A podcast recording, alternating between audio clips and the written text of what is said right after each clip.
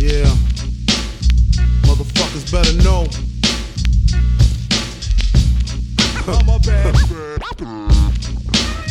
Lock your windows, close your doors, give you smalls. Huh. Yeah. My man Imp left a tech and a nine at my crib. Turned himself in, he had to do a bid.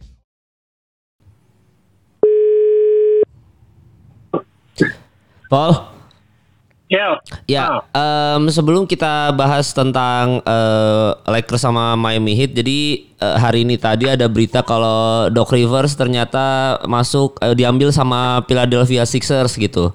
Jadi eh, Ya. pelatih barunya Sixers ini adalah Doc Rivers. Nah, lu ada menurut lu ini apakah eh, sesuatu yang tepat Doc Rivers ini pindah ke Sixers atau justru ya apa ya maksudnya apakah ini ini bagus untuk Ben Simmons dan Joel Embiid gitu Doc Rivers ini Paul? gue ada beberapa pendapat ma- mengenai ini. Kalau secara pribadi terhadap Ben Simmons sama Joel Embiid ini adalah uh, improvement ya dibandingkan uh, dibandingkan round sebelumnya karena uh, dia belum bisa maksimalin uh, roster yang dia udah ada.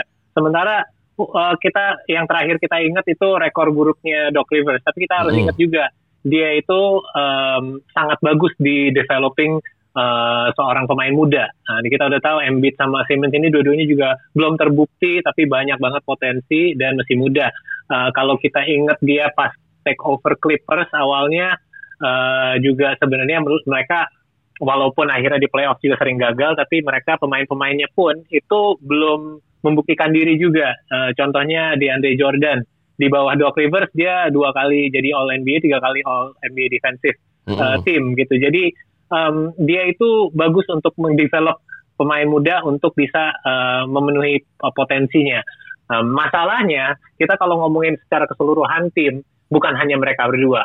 Ada Mm-mm. positifnya juga yang lain sebagai nama besar sebagai uh, Doc Rivers sendiri gitu. Dia dia adalah nama besar itu seharusnya jadi cukup uh, menarik ya untuk beberapa pemain lain ingin bergabung di sama 76ers gitu. Karena Doc Rivers itu udah terbukti juga walaupun sering gagal juga dia paling nggak akan bisa masuk ke playoff dan regular seasonnya juga rata-rata rekornya bagus gitu di atas 50 50 win per season gitu. Tapi uh, sekarang ini kita ngomongin tim tim roster yang udah ada saat ini. Mm-mm. di mana um, sebenarnya apa yang mereka butuhkan dan kenapa mereka ini yang gua- bikin gue sedikit bingung kenapa mereka uh, seburu-buru ini untuk ngambil keputusannya. Kita tahu bahwa mereka baru aja meeting sama Mike D'Antoni.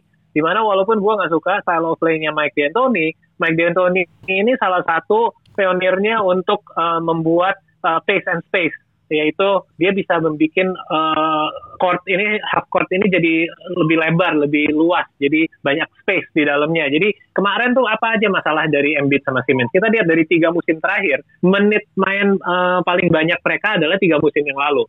Bahkan efisiensi mereka paling tinggi itu di dua musim yang lalu. Setelah itu mereka menit main bersamanya semakin kecil, semakin kecil.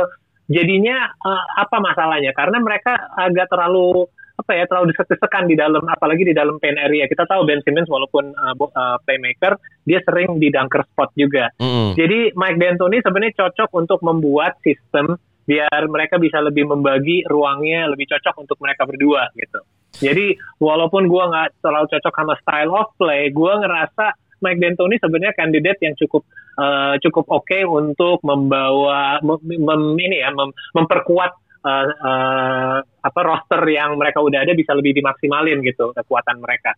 Di mana kalau dari Doc Rivers, gue belum lihat itu. Tapi yang yang yang bagus dari Doc Rivers ada beberapa. Dia uh, walaupun gagal di sisi uh, leadership di Clippers di uh, playoff musim ini, dia sebenarnya adalah seorang leader yang bagus buat pemain muda seperti gue bilang sebelumnya. Jadi uh, sekarang apa yang kehilangan dari Philadelphia Sixers uh, musim ini yang kita lihat setelah ditinggalkan Jimmy Butler, yaitu seorang leader dan seorang leader itu nggak harus di lapangan juga gitu. Mungkin seorang leader ini uh, bisa dari bangku cadangan sebagai pelatih utama dan itu Doc Rivers bisa main peran itu dengan baik. Jadi gue harapinnya sih um, dengan dia masuk ke Sixers kita akan lihat uh, uh, konsistensi ya terutama dan kita lihat pemain uh, utama mereka Embiid sama Simmons ini bisa kerja sama lebih baik menurut gue sih. Doc Rivers akan bisa membuat itu karena dia juga ingat ya sebelum dilatih sama Doc Rivers uh, DeAndre Jordan ini nggak terlalu fokus di defense, justru dia lebih offensive minded gitu. Di Doc Rivers bisa mengkonvince seorang DeAndre Jordan bahwa lo nggak usah kita running play deh, lo jadi ini aja, jadi fokusnya di defense aja. Dan dia mau gitu nurut. Jadi buktinya dia bisa meng, um, apa ya mendidik pemain muda untuk bisa ikutin sistem dia dan percaya sama dia untuk bisa uh, maksimalin mereka sebagai pemain masing-masing.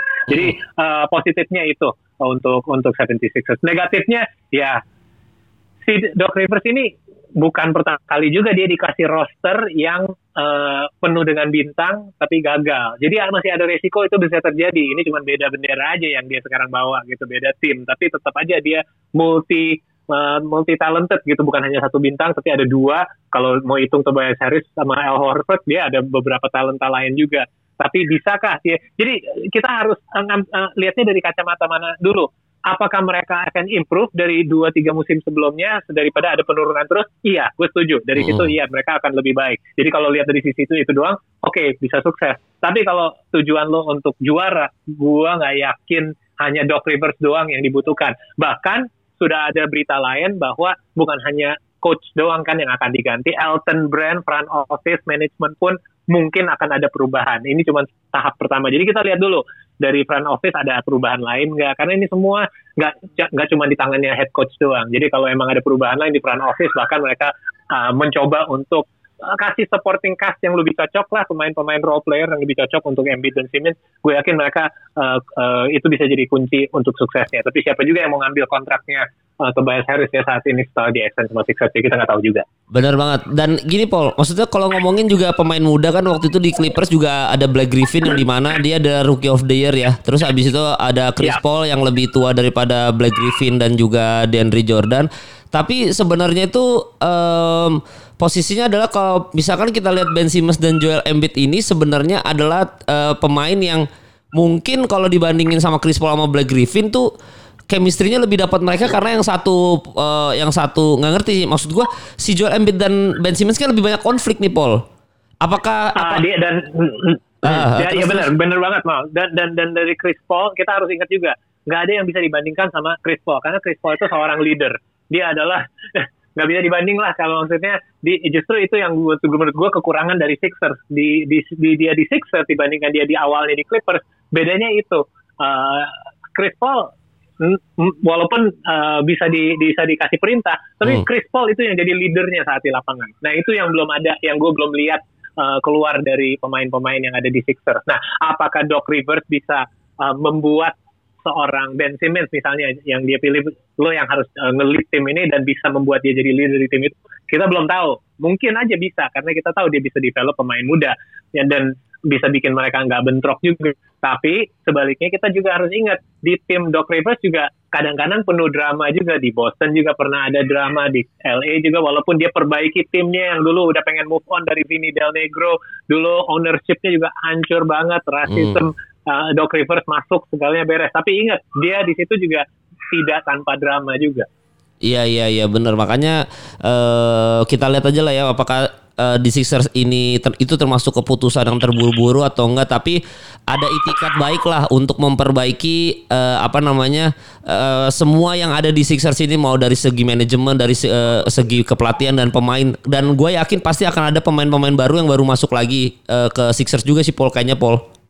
Iya positif buat gue itu adalah mereka tidak give up uh, uh, tidak tidak give up untuk mencoba membuat dua pemain ini bisa kerja sama. Kan kita pernah ngobrol sebelumnya dan gue menurut gue sih salah satu di trade aja. Gue karena lebih suka Simmons dan gue ngerasa Simmons juga mungkin uh, lebih nggak terlalu sering cedera. Gue sebagai Sixers gue akan keep Simmons gue akan coba untuk trade Embiid gitu. Mumpung dia uh, value-nya masih tinggi nilainya masih tinggi. Tapi ini dengan ambil uh, step-step ini kita udah melihat bahwa Sixers ini tetap percaya dengan proyek mereka dan mereka akan tetap bertahan mencoba untuk membuat proyek ini dengan Embiid dan Simmons duo mereka mereka percaya. Nah itu paling positif yang gue lihat dari mereka bahwa mereka tuh all in aja deh. Kita pokoknya percaya sama dua pemain ini dan kita akan coba uh, merubah front office, merubah pelatih, merubah mungkin roster akan ada perubahan uh, minor juga untuk membuat ini bisa kerja lebih baik. Dan itu yang gue menurut gue positif. Kalau lo emang percaya sama pemain bintang lo, lo harus buat sesuatu lah, melakukan sesuatu yang drastis untuk uh, demi kebaikan timnya. Iya iya dan itu yang harusnya yang diinginkan sih bukan diharusnya bukan diharus uh, yang pengen apa yang diinginkan oleh seorang Giannis Antetokounmpo ya. Kurang lebih itu adalah perubahan yang seperti Sixers lakukan ini ya Paul ya. Ya mungkin kalau untuk Bucks lebih mudah bahkan karena mereka timnya udah cukup bagus gitu. Mereka cuma perlu satu dua langkah lagi lah kalau mereka mau jadi juara gitu. Jadi nggak perlu sedrastis itu juga. Tapi iya benar yang lo bilang di pemain bintang itu senang melihat. Makanya langsung Embiid kasih supportnya kan uh, tweet bahwa uh, dia setuju banget gitu dia happy gitu ada Doc Rivers yang akan masuk. Nah itu adalah uh, sign yang baik karena lo jadi kasih kepercayaan lo buktikan bahwa gue bukan cuma uh, lip service nih gue cuma nggak cuma ngomong doang. Gue um, action deh untuk melakukan sesuatu demi uh, kalian lebih bahagia juga. Jadi kalian juga akan tetap komit sama timnya. Dan mungkin mereka kasih komitmen yang lebih besar juga di mana kalau uh, kita tahu Embiid sering bermasalah sama nutrisi, sama kesehatan, main muda lah biasa mereka merasa masih masih Superman gitu, tapi eh, kalau dengan uh, apa ya lebih disiplin dia jaga makan, latihan, siapa tahu dia bisa lebih baik lagi. Gue pengen lihat Embiid succeed ya, walaupun di podcast terakhir gue celah-celah Embiid karena gue belum lihat dia mencoba untuk maximize potensi dia. Mal, gue pengen banget lihat mm. kalau Embiid bisa jadi top 3 center di liga ini. Gak ada men kita ada big man. Lo, lo tau dong gue suka old school man big man big man yang masih main di NBA dan dia ada big man game banget dan bisa tembak dari luar lagi. Cuman gue uh, udahlah kayak uh, apa ya bertingkah bertingkahnya dikurangin lo fokus lo latihan lo jaga makan. Gue pengen lihat the best Joel Embiid dan semoga Doc Rivers bisa mengeluarkan itu. Bener banget. Jadi tadi kan lu bilang Joel Embiid uh, nge-tweet lebih uh, dia seneng banget Doc Rivers uh, ada di Sixers. Dia lebih seneng Joel M apa Doc Rivers datang ini atau dia lebih seneng uh, Donald Trump kena corona ya sama sih kayaknya ya. sama aja. Kayaknya dia lebih bahagia Donald Trump positif corona sih kayaknya ya kalau Joel Embiid ya. Mungkin sih.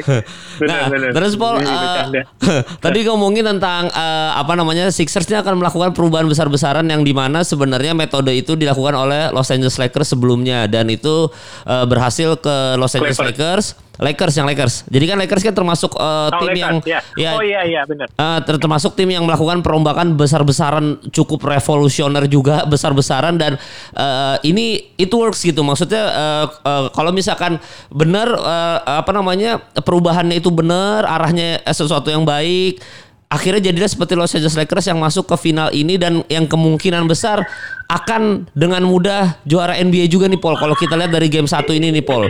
Oke ngomongin iya, ya terus itu ya, benar.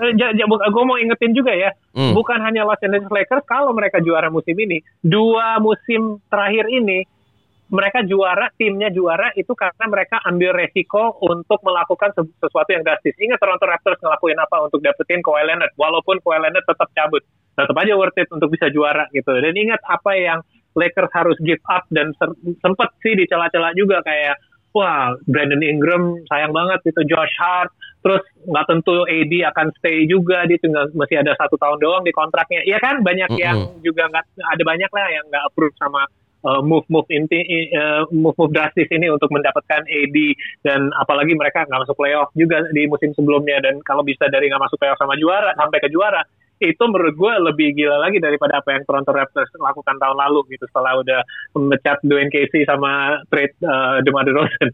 Iya iya iya makanya jadi memang uh, sacrifice-nya Lakers dan Raptors ini mulai terlihat impact-nya untuk kejuaraan gitu. Jadi memang uh, oke okay lah kita harus ada berkorban satu dua satu dua uh, langkah ataupun apa pun itu perkor pengorbanannya termasuk mungkin memecat front office atau memecat pelatih atau mungkin nanti ngetrade pemain penting tapi uh, Sixers ada arah ke situ dan ini dan ini terbukti bahwa Raptors dan Lakers uh, Raptors sudah juara, Lakers ini ada kemungkinan juara nih, Paul. Apalagi kalau yang kita ngomongin game satu kemarin ya.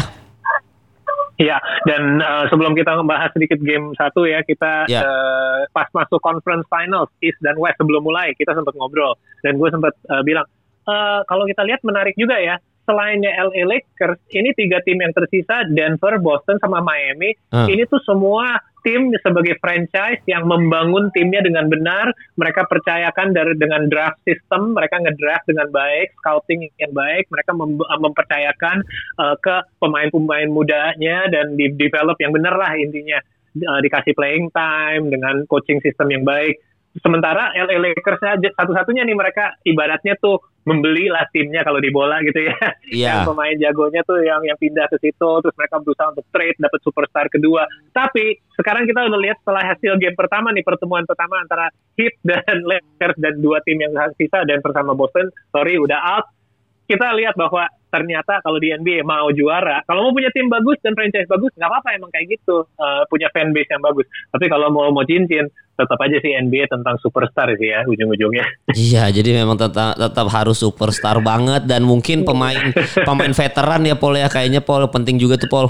Itu, itu kita ya, uh, uh, maaf nih untuk Heat fans ya Miami Heat fans, tapi Ya. uh, gue gue sempat bilang ke lo kan um, jangan terlalu membeli stoknya Tyler, Tyler Hero terlalu cepet deh. Duitnya jangan semua ditaruh di dia. Kenapa? Nggak fair buat dia juga. Dia masih pemain muda men. Maksudnya dia belum membuktikan diri. Kasihlah dia waktu beberapa musim untuk lebih develop. Untuk dia bisa sukses di final. Hmm. dia di udah uh, apa yang dia lakukan selama playoff ini dia udah over over um, overperform loh. Over exceed ekspektasi kita semua. Dan gue bukan hatersnya pemain muda atau gimana, cuman gue tahu kalau when it comes to kejuaraan, ini pengalaman men. Kayak LeBron tinggalnya hidupnya itu di final. Dia udah satu dekade di final mulu gitu. Jadi bukan bukan kayak ini sih makanan sehari-hari buat dia di mana di mana pemain hit banyak yang belum ngerasain sama sekali. Untung loh ini gak ada fansnya. Lo tau kan suasananya kalau kita lagi nonton playoff, apalagi final suasananya segila apa gitu. Uh-uh. Ini tanpa fans aja, lo kebayang pressure-nya seberat apa. Jadi jangan kayak menyalahkan Tyler Hero, Duncan Robinson, bahkan Kendrick Nunn, walaupun Kendrick Nunn yang yang menyelamatkan skor di akhir pertandingan game pertama tuh. Jangan expect ter- termasuk Bam Adebayo juga jangan expect mereka mereka yang akan harus menangkan seri ini lawan Lakers. Dari awal kita udah bilang bahwa ini bukan match up yang fair sama sekali. Ini tuh mismatch, totally mismatch deh. Ini match up terutama match up yang buruk untuk Miami Heat dengan size dan agility dan AD dan speed ada LeBron James sebagai ball handler. Ini ini kita bandingkan mereka sebelumnya ketemu Boston di mana Boston sebenarnya kalau tembakannya masuk aja di Mm-mm. beberapa game di beberapa quarter Boston bisa aja yang yang lolos ke ke next round gitu. Jadi eh, kekuatan yang kita lihat dari Miami Heat dari Bam Adebayo bisa ngebully, mereka mainnya fisik, zone defense. Ini semua jadi kelemahan mereka kalau lawan LA Lakers karena ini benar-benar mismatch banget mal. Kita udah lihat dari awal. Mm-mm. Dan eh, kira-kira nih Paul untuk game kedua karena ini eh, besok besok besok Sabtu pagi ini kan game kedua kan? Besok, besok Ya. pagi jam 8 pagi Eh, jam kita. Menurut lu sebenarnya eh, apakah kita nggak usah ngomongin game 2 deh karena kayaknya game 2 juga nggak akan terlalu jauh-jauh beda dari game pertama tapi apakah Miami Heat ini akan nyolong satu kemenangan atau justru habis nih 4-0 nih Paul? Aduh mal, dari awal aja sebelum kita lihat penampilan mereka di game pertama, gue juga udah teb- tebakan gue bahwa mungkin Miami bisa karena gue respect sama Miami, gue suka style of play dan gue suka eh, apa ya mereka eh, nggak takut gitu sama siapa pun. Hmm. Ini sebelum kita lihat main ya, gue cuman kasih mereka kesempatan untuk colong satu game. Sekarang dengan uh, injury-nya uh, injury-nya Bram Adebayo, walaupun gue yakin dia masih tetap akan berusaha untuk main, mereka juga win or go home juga kan, nothing to lose juga. Uh. Goran Dragic uh, itu plantar fasciitis bukan sesuatu yang yang ringan loh. Maksudnya ini udah berarti udah sesuatu yang emang ganggu dia dari awal playoff. Kita udah nggak tahu berapa lama, tapi ternyata ada sesuatu yang sobek. Kita nggak tahu dia bisa main atau enggak. Tapi sebisanya berdua berdua pemain ini main pun mereka akan seberapa maksimal sih? Gini aja deh, kita anggap sekarang top 3 playernya Lakers anggap aja eh, siapa aja deh Kyle Kuzma deh. Ya. Anthony Davis, LeBron James, Kyle Kuzma, top 3. Sekarang lo ambil top 3 dari Lakers ini, dua itu lo cederain, walaupun mereka bisa main. Ambil aja LeBron sama AD, jadi sisanya cuma yang ketiga jago lo. Yaitu kalau kita di hit, kita Hmm. ambil uh, Dragic, top scorer mereka selama playoff ini secara rata-rata, Bam Adebayo, udah jelas their best player, apalagi di seri terakhir, dan Jimmy Butler. Sekarang tersisa Jimmy Butler yang udah cedera juga ankle-nya. Iya. Saya nggak kayak top top 3 pemain lo, ya dua setengah cedera deh ya. Walaupun gue yakin Jimmy Butler besoknya itu dia main lanjutin main juga gara-gara adrenalin sih. Ntar malamnya pasti udah bengkak juga ankle-nya. Kita nggak tahu seberapa serius kan. Lo udah tau lah kalau kena ankle itu nggak besoknya langsung hilang juga. Iya. Gitu. Jadi gue uh, semakin nggak yakin nih mereka bisa colong satu game. Kenapa? Karena bench mereka nggak gitu dalam juga. Kita lihat Kendrick Nunn keluar main uh, bisa cetak 18 poin ya kalau nggak salah dia Mm-mm. 8 kali masuk dari 11 percobaan. Dan kenapa dia bisa sukses? ini ini buktinya. Buktinya bahwa LA Lakers nggak anggap matchup ini tuh ringan. Buktinya bahwa LA Lakers ini melakukan PR. Kenapa? Karena Kendrick Nunn uh, bisa meledak di second half. Karena mereka nggak game plan terhadap Kendrick Nunn sama sekali. Ingat ya Kendrick Nunn hampir nggak dapat menit main sama sekali sama playoff. Jadi kita ini terbukti bahwa Lakers tuh udah game plan banget. Mereka mau planning uh, mau nyerang siapa, mau nyerang uh, zone defense-nya seperti apa, uh, siap uh, kelemahannya di mana. Tapi pas Kendrick Nunn yang dimasukin, mereka belum siap. Nah, gue yakin Frank Vogel, LeBron James, next game udah lebih siap untuk ngadepin Kendrick Nunn. Walaupun menurut gue untuk mereka bisa ada chance lah, ada harapan dikit, Kendrick Nunn harus dimainin uh, lagi sih. Karena kelihatannya dia lagi hot streak nih. Lo tahu kalau pemain lagi hot streak, kasih aja lah. Kasih dia kesempatan main. Lo nothing to lose juga, men. Pemain-pemain jagoan lo udah pada cedera. Mm -mm. Tyler Hero, Duncan Robinson dimakan men defense. Ada satu play yang sempat dibahas di ESPN. Kalau kita lihat di second quarter, LeBron James uh, lewatin half court. Pas lewatin half court, pemain di sebelah kiri dia uh, mau kasih screen sama dia di disingkirin, disuruh mundur. Dia manggil KCP kalau nggak salah. Mm -hmm. KCP itu yang jaganya Tyler Hero. Dia minta di switch ke Tyler Hero. Sebenarnya buat LeBron James siapa aja yang jaga antara Robinson sama Tyler Hero bisa dimakan sih dua-duanya. Tapi dia lebih memilih Tyler Hero. Pikir awalnya kenapa ya dia maunya switchnya tetap sama Hero terus yang diserang karena dia tahu hero yang lebih eksplosif di offense. Kalau Duncan Robinson lebih three point shooter ya. Kalau Taylor Hero bisa segalanya lah. Hmm. Bisa rebounding, bisa drive, bisa kick. Jadi dia sengaja membuat Tyler Hero main defense lawan dia untuk membuat dia capek. Dia minus 30 atau minus 35 gitu plus minusnya Tyler Hero. Yeah. Ini yang jadi aset buat mereka di, di seri-seri sebelumnya. Offense mereka sekarang dieksploitasinya kelemahan mereka yaitu defense-nya mereka. Lo mau ada Tyler Hero sama Duncan Robinson, lo mereka harus cetak poin sih yang banyak. Kalau enggak, pas di defense-nya mereka dimakan terus soalnya. Jadi harus ada harus ada inilah give and take-nya. Soalnya kalau lo mau nyerah banyak poin, mereka harus bisa cetak banyak poin juga dan kita nggak lihat itu di game pertama. Sayang banget tapi ya inilah pengalaman seperti lo bilang yang yang mulai kelihatan dari awal. Kita li pernah lihat biasanya kita bahas bahwa Lakers kalau LeBron James khususnya sering di game pertama dia ngefur deh satu game untuk lihat dulu lawan Golden State dia pernah bilang dia melakukan itu juga untuk lihat mereka lakuin apa. Sekarang mungkin karena dia udah saking sering ke finalnya dan sering gagal juga enam kali gagal di final, dia cuma hanya membutuhkan setengah quarter untuk ngefur. Mereka ketinggalan 13 poin kan 23-10. Yeah. Setelah itu LeBron James bilang, "Oh, oke." Okay. Dia bilang kan kita agak kaget mereka mau main fisik. Oke, okay, kita main fisik aja. Wah, langsung dibantai lu dari situ mereka cetak 70-an poin dibandingkan Heat yang hanya cetak 32 poin. Itu gila sih nggak sampai satu game aja selisihnya 40-an poin. Kalau kita lihat skor di akhir game itu tidak menggambarkan seberapa dibantai sih sebenarnya Miami Heat di game ini. Iya iya iya dan memang uh, biasanya itu kalau udah uh, second half itu ya udah kayak banyak-banyak dilepas juga sih Paul maksudnya kayak ya udah kita udah tahu kita udah nakar kekuatannya Miami sejauh mana ya udah ini kita banyakin uh, rotasi-rotasi aja gitu loh ya kan ya nggak sih? Gua gua gua nggak setuju itu. Kalau gue justru mikirnya si LeBron James rada nggak puas. Dia sempat bahas, eh, bahas bahkan oh, iya. dia nggak puas dengan cara mereka closing gamenya. Dia nggak yeah. puas karena kalau LeBron James, man dia udah hanya tiga kali menang, enam kali gagal. Dia udah lebih sering dua kali lipat lebih sering gagal dibandingkan sukses di final. Dia kalau gue jadi LeBron, gue parno juga, man. Lo jangan kasih, man, uh, tim lawan lo untuk ada harapan sedikit pun. Lo injek-injekin sampai habis kalau lo bisa sweep, dibantai 30 poin selisih di setiap game, lo akan melakukan itu sih untuk dapetin kejuaraan uh, Journey udah terlalu jauh soalnya dan dia udah tahu bahwa Spolstra itu akan melakukan adjustment. Yang jelas, gue tebakan gue sih Kendrick dan misalnya akan main lebih banyak. Kita mungkin akan lihat switch defense ke LeBron James yang lebih maksakan uh, Kendrick Nunn uh, dijaganya sama LeBron James. Kita udah lihat itu di seri lawan Denver di mana Jamal Murray akhirnya dijaga sama LeBron James kan.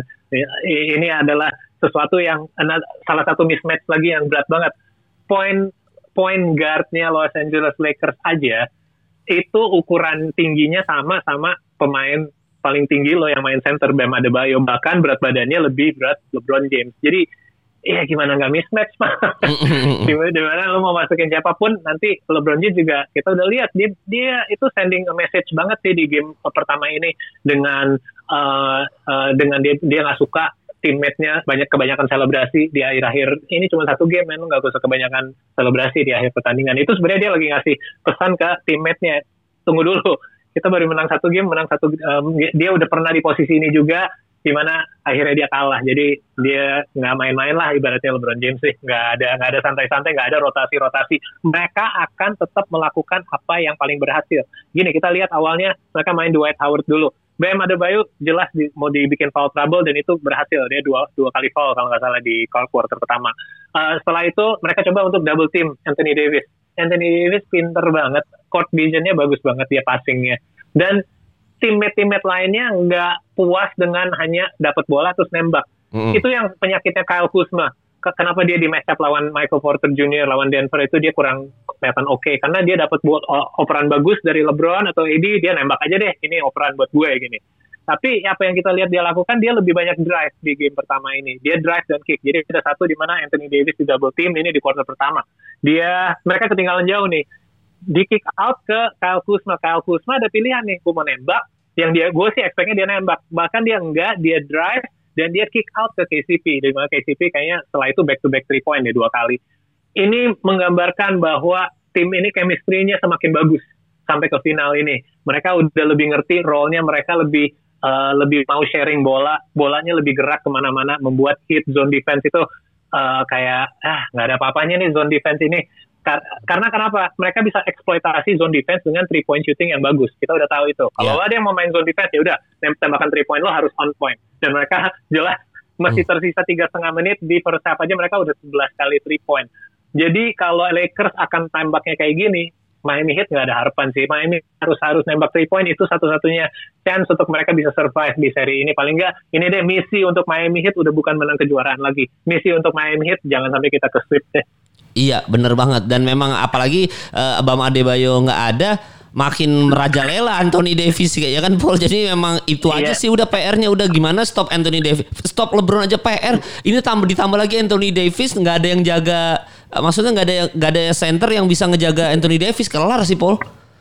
Iya sebelumnya sebelum seri ini mulai banyak yang gue denger banyak inilah analis yang bilang wah gue nggak sabar banget lihat Bam Adebayo head to head AD tunggu dulu gue sempat mikir kayaknya kalau Bam versus AD gitu doang yang lo bandingin ya gue sih megang AD sih ya nggak tahu kenapa ke gue dia lebih lebih versatile reach-nya lebih panjang dia dia udah bukti tembakannya lebih bagus free throw line-nya juga mantep banget tembak tembakan free throw-nya kayak oh, jangan dibandingin deh justru Bam Adebayo ini kasihan kalau harus terus-terusan jaga AD karena AD ini top point scorernya, high point scorernya Lakers nih. Lo justru kayaknya harus membuat strategi biar um, Adebayo jangan terlalu dan jangan terlalu membuat kerja keras di defense karena lo butuhkan dia di offense juga gitu ya. Ini yang semoga ada adjustment dari Miami Heat coba deh lo trap defense uh, zone defense-nya juga jangan kayak gitu nggak ada yang gerak sama sekali mm -hmm. ada ini ini mereka zone defense-nya kayak bener-bener zone defense kayak yang kita main kayak kalau kita sparring di lapangan kita cuma lagi istirahat aja gitu iya, kalau iya. kita lihat Toronto main zone defense musim lalu mereka banyak gerak. Ingat gak gue bilang kotaknya tuh berubah bentuk nggak kayak kotak yang sama sisinya semua. Kadang-kadang uh, yang bawah geser, yang terus yang atas geser ke kanan, yang bawah geser ke kiri. Jadi kita lihat walaupun namanya box defense atau zone defense, tapi kita sering lihat pergerakan dari pemain untuk antisipasi um, uh, apa rota, bola rotasi dan pemain yang cutting. Itu kan yang yang paling penting. Tapi sebelum seri ini mulai, lo sempat nanya ke gue tentang zone defense. Kita akan lihat zone defense dari Miami Heat. Yes, tapi lo sebagai LA Lakers punya pemain yang paling jago untuk bongkar rumus apa pun di lapangan yaitu LeBron James. Dan jelas mereka uh, dia tanpa masuk ke paint area aja udah bisa bisa eksploitasi zone defense-nya Miami Heat. Apalagi kalau nanti mereka mencoba untuk main lebih fisik. Itu udah dicoba juga sama Jay Crowder nih. Tepok lah bolanya semua rebut-rebutan di baseline yeah. sama LeBron James. Mau dibikin panas nggak, nggak ada yang berhasil sih mal. Apa pun yang mereka lakukan di game pertama selain Kendrick Nunn dan itu juga kayaknya karena lo bilang Lakers agak lepas gas sedikit. Uh, mereka tidak akan melakukan hal yang sama lagi sih menurut gue. Kesalahan Lakers cuma itu doang. Mereka membuat membiarkan uh, Miami Heat ada sedikit ada positif lah diambil dari game ini gitu. Yaitu di akhir pertandingan Iya yang nanti kemungkinan besar semenjak LeBron uh, bukan ngomel-ngomel sih apa mengkritisi itu kayaknya di game kedua emang ya udah kita gaspol aja deh kayak uh, first half kemarin kita hajar aja kita leading jauh-jauh aja udah kita udah kita cepat kelarin aja deh kita pulang ketemu keluarga ada motivasi gitu juga sih Paul kayaknya sih Paul. Iya soalnya selama ini LeBron James sudah memenuhi semua perjanjian dia terhadap LA Lakers so far sampai mereka menang juara kan. Yeah. Jadi teammate dia mau dikritik pun mau apa, gue yakin mereka semua denger sih, nurut sih. Eh, kalian jangan tahu banyak selebrasi. Siap, bos. Iya. Gak ada yang siapa yang mau lawan juga kan. Emang dia salah ngomong gitu menurut gue sih enggak, bener sih gue setuju. Lo di situ lo main aja. Nanti selebrasinya setelah lo udah juara lo boleh deh ngomong apa pun karena gue tipe yang kayak gitu juga gue nggak terlalu suka yang pemain kayak misalnya ya kebanyakan bacot kayak Pat Beverly deh Gue selalu ngomongin ini tentang Pat Beverly kenapa gue gak suka Pat Bev karena kebanyakan bacot kayak lu buktiin diri dengan aksi di lapangan aja deh. Nanti kalau bacot boleh. Setelah lo udah menang lo udah megang trofi boleh lo, lo bales tuh semua haters apa apa pun. Tapi gue lebih takut sama pemain yang diem-diem aja tapi yang di lapangannya fokus banget dibandingkan orang yang kebanyakan trash talk dan banyak ancaman sana sini sih.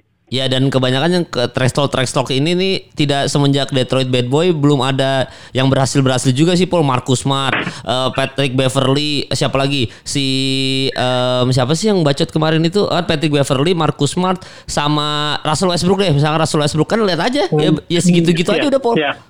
Dan kalau eh, ada yang paling bacot pun adanya di tim Lakers dan dia diam-diam aja si Rondo ya kan? Iya. baik-baik semuanya baik-baik aja. Jadi semuanya tuh ikutin banget eh, leadershipnya LeBron James gitu. Dan sekarang walaupun Jimmy Butler adalah seorang superstar di NBA dan dia seorang leader yang baik, aduh tapi ini case kasusnya beda sih kayak senjatanya nggak cukup aja sih lu lihat kayak tim tim tim kuliah lawan tim SMA aja sih kayak Iya. jadi beda level sih Beda. kelihatan bedanya bahwa kenapa tim mana pun keluar dari wilayah timur nggak sebanding sama LA Lakers di musim ini siapa pun itu lu mau taruh Milwaukee Bucks, Toronto Raptors gue pun, Boston pun. Ya Hmm. lu ada agitator dan, dan sekarang udah kelihatan kan kenapa LeBron James keluar uh, menyatakan bahwa dia lebih Shaq pen- uh, sempet bahas bahwa gue nggak boleh kasih tahu source gue siapa tapi gue dengar LA Lakers lebih pengen ketemu Miami Heat dibandingkan Boston Boston Celtics sekarang kita udah lihat kan kenapa kayaknya mereka lebih prepare untuk ketemu Miami Heat juga. Mereka kayak udah tahu banget kayak kelemahan-kelemahan yang mereka bisa eksploitasi di matchup ini. Mungkin karena lawan Boston Celtics mereka punya banyak wing defender mereka tahu juga uh, Boston punya Marcus Smart mungkin punya tahu lah uh, mereka mungkin lebih takut sama Boston Celtics. Nggak tahu tapi buktinya mereka sama sekali uh, semua seluruh game ini in control sih. Uh, walaupun mereka awalnya ketinggalan pun mereka in control of this game dan mereka so far in control of this series. Dan tanpa Bam Adebayo yang 100% dan Goran Dragic yang 100% gue takut ini jadi sweep sih Iya, iya itu ketakutan kita semua dan akhirnya NBA Finals eh, berakhir dengan cepat sih Paul. Ya kita lihat lah, kita lihat semoga game kedua ini ada perlawanan. Tapi tadi ngomongin selebrasi sebelum udahan tuh eh, kan tadi LeBron bilang kalau eh kita lu jangan sama teammates-nya, lu jangan selebrasi dulu. Kita belum menang apa-apa nih, jangan banyak tingkah dulu. Gini aja deh, mungkin LeBron sekarang kayak gini ngomong ke teammates-nya. Ya udah deh kalian mau selebrasi. Iya LeBron. Ya boleh deh selebrasi deh. Ini kan Donald Trump positif Covid. Nah, silakan tuh selebrasi dulu deh tuh. nggak apa-apa dah kalau itu. Nah, kayaknya kembali lagi ke Joel Embiid tadi ya. Ya udah selebrasi aja positif Covid kan dia. Wah, udah gitu kayaknya sih Paul ya. Lebih lebih ikhlas dia selebrasi di situ teman-temannya ya daripada di lawan Miami Heat ya.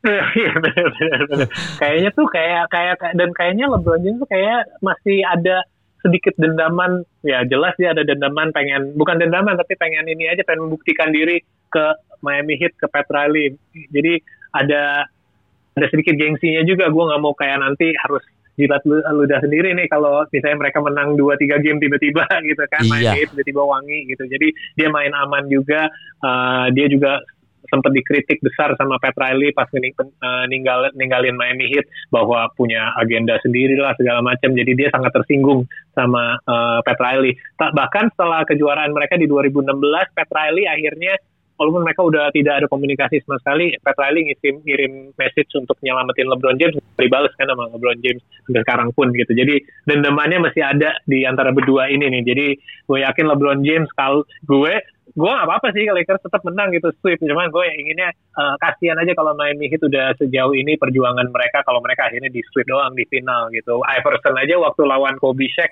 menang loh satu game. Iya. dengan satu pemain aja dia doang gitu. Jadi eh, kasihlah Heat satu game. Kalau demi demi kita sebagai fans biar lihat ada sedikit perlawanan. Dan sebagai penghargaan untuk kerja kerasnya Miami Heat sebagai tim yang terbaik di wilayah timur jangan kelihatan segitu jomplang lah harus ada bisa satu satu game mereka harusnya bisa ambil Iya walaupun menurut gue yang tadi lu bilang kayaknya untuk dia dia eh, LeBron tahu banget Pat Riley, Spolstra tipe tipikalnya seperti apa, kayaknya dibantai sih kalau dia lihat. Jangan deh, jangan dijeda-jeda deh, jangan kasih nafas sekalipun udahlah Oh, hajar enggak, aja. enggak. Jelas. Tapi yang jelas uh, uh, LA Lakers tenang, LA Lakers nggak akan sewangi ini dari garis three point selama satu seri kok. Mereka nggak akan hmm. 11 kali three point lagi di dalam dua quarter menurut gue. Ya, mudah-mudahan gue nggak makan ngomongan sendiri sih, tapi kayaknya iya. nggak yeah. nggak ada yang uh, quarter uh, dua quarter sewangi itu back to back 11 kali three point itu rekor juga buat franchise Lakers kan.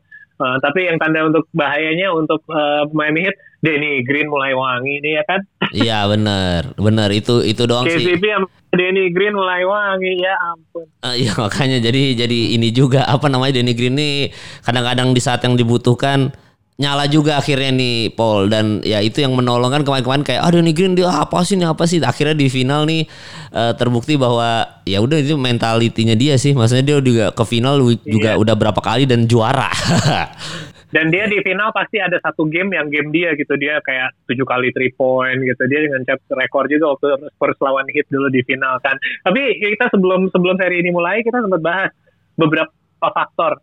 Kalau Lakers faktor ini terjadi, mereka bisa menang sih game pertama. Kalau faktor ini terjadi, mereka bisa menang. Ternyata semua faktor yang kita bahas plus plus yang lain uh-huh. semuanya terjadi di satu game. Yeah. Ya kan maksudnya hancur banget semua yang kita, semua yang kita bahas lebih dari itu malah terjadi. Jadi salah satu kayak itu terjadi aja mereka udah pasti menang sih. Ini jadi pembantaian plus cedera-cedera dari Miami Heat juga. Jadi nggak jelas sih kayak uh, game kedua ini hasilnya akan seperti apa. Yang jelas Lakers akan menang sih di game kedua ini karena kita tahu Goran Dragic kemungkinan tidak tidak main, Bam Adebayo main pun nggak 100%, kita nggak tahu kondisinya Jimmy Butler. Jadi Lakers akan 2-0. Gue sih harapannya Miami Heat bisa fight back di game ketiga. Ya, dan kita uh, semoga ya semoga bisa panjang.